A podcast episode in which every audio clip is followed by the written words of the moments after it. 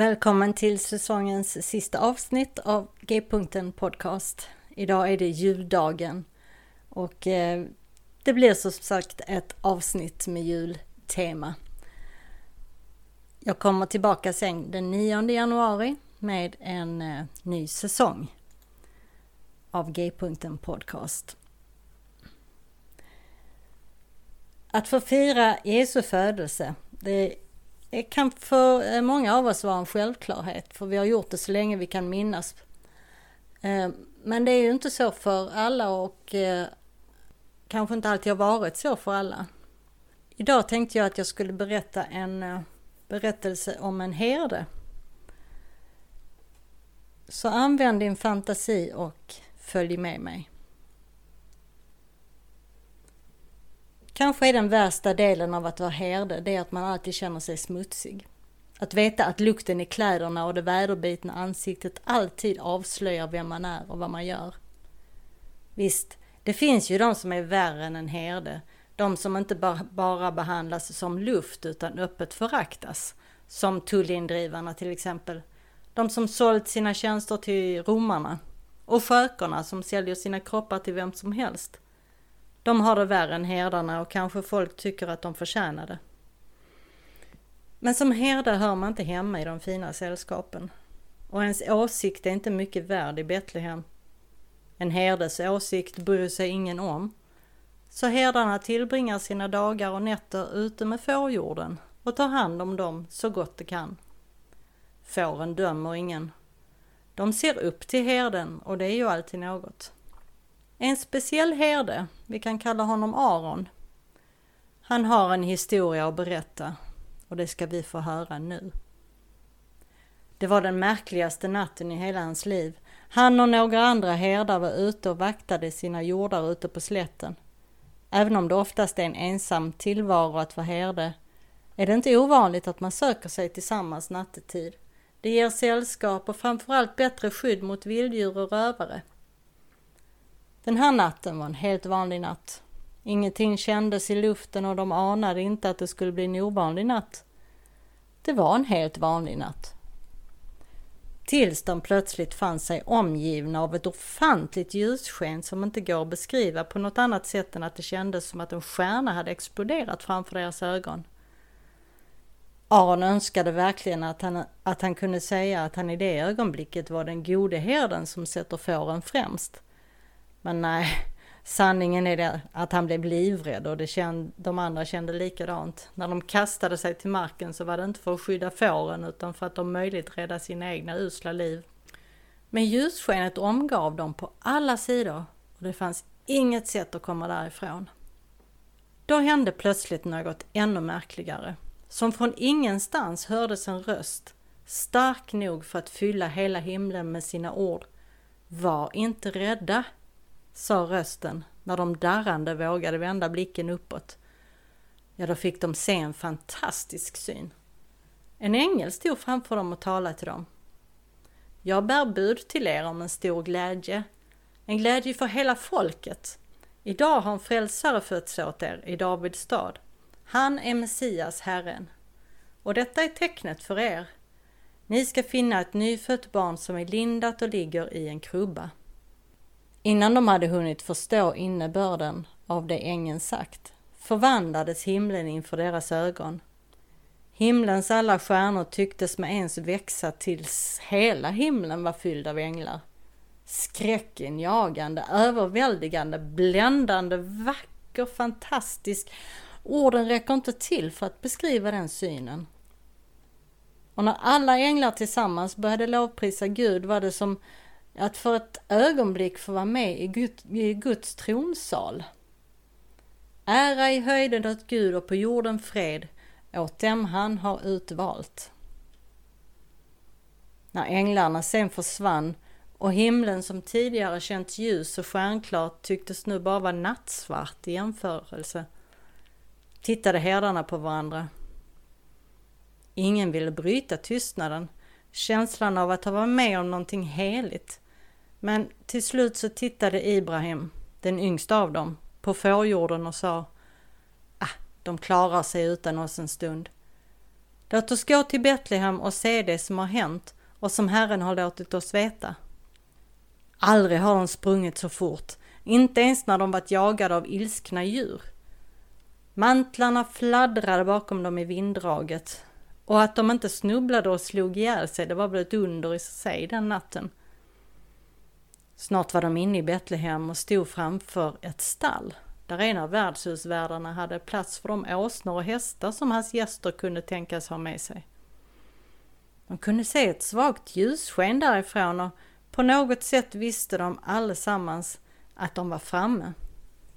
Men nu hade de inte så bråttom längre. De stod utanför och trampade varandra i hälarna. Plötsligt skamsna över att de var så smutsiga och så oborstade och så ovärdiga. Ingen ville ta första steget och gå in. De visste ju inte vad de hade att vänta sig där inne. En frälsare. Den profeterna talat om, kunde det vara möjligt? Var fanns i så fall alla präster och alla kungar och heliga män? Varför stod dessa smutsiga herdar där ensamma i natten? Till slut var det Ibrahim igen som bröt tystnaden. Ah, vad är det värsta som kan hända? Att de kör ut oss? Det har jag varit med om så många gånger förut, så det kan jag nog överleva. Men ängeln berättade ju trots allt nyheten för oss. Då måste vi väl vara välkomna in. När han med bestämda steg började gå mot stallporten följde de andra långsamt efter. Och så steg de in i stallet på darrande ben.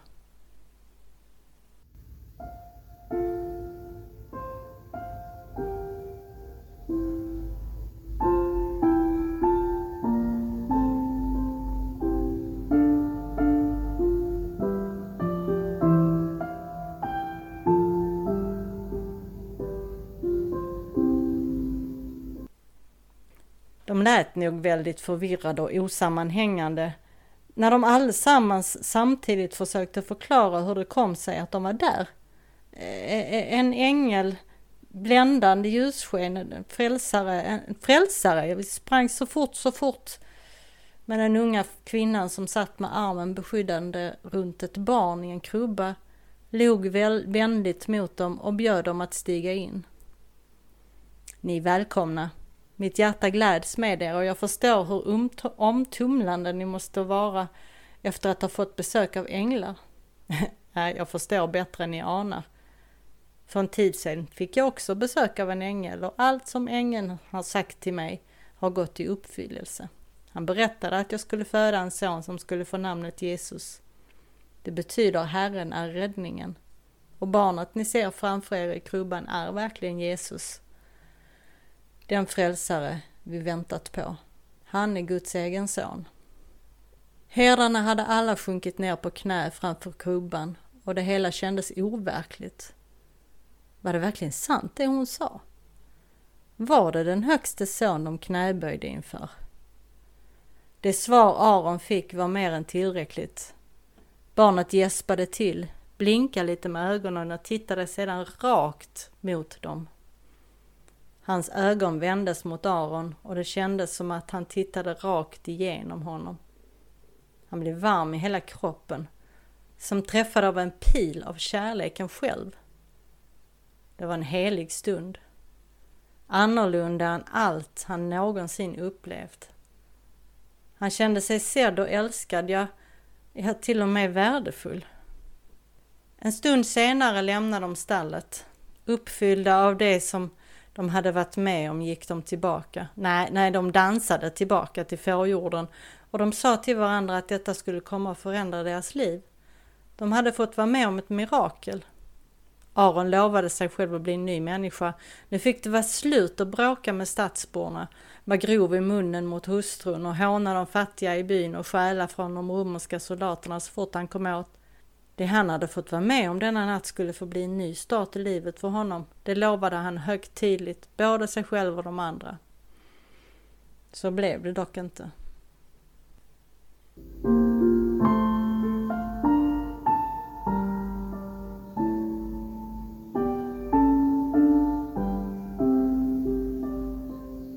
Ett par månader, kanske lite längre, var han faktiskt som förvandlad.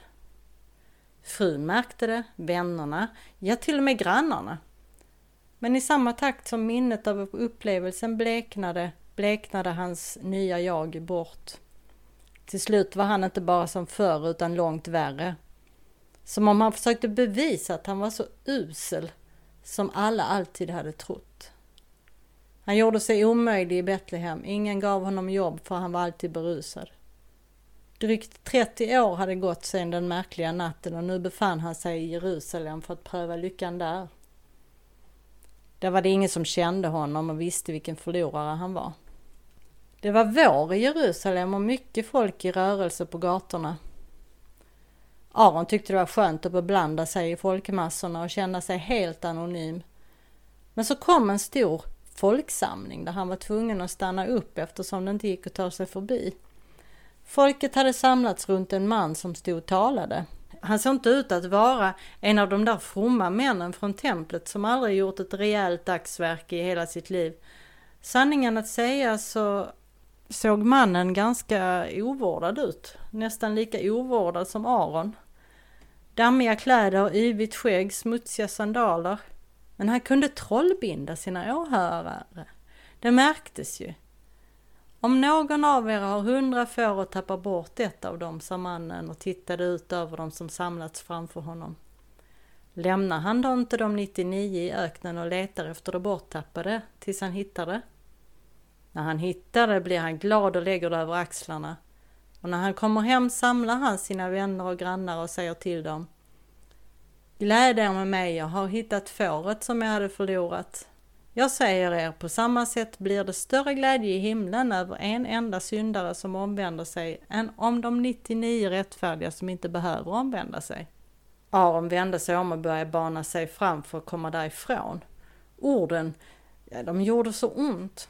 Det han sa väckte en längtan inom honom, men han ville inte låta orden tränga in i hjärtat.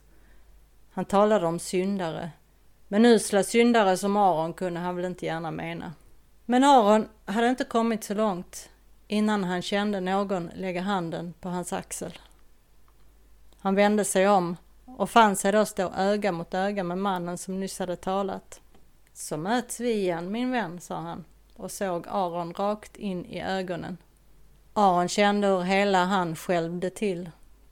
För även om det kändes som en hel evighet hade förflutit sedan han mött den blicken förra gången så skulle han känt igen den var som helst. Men det märkliga var att blicken sa samma sak den här gången.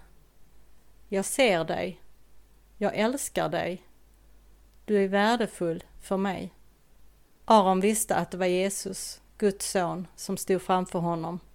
Och hans ord fick allt det hårda och trasiga inom honom att smälta bort.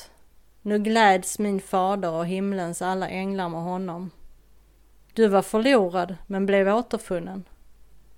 Välkommen hem.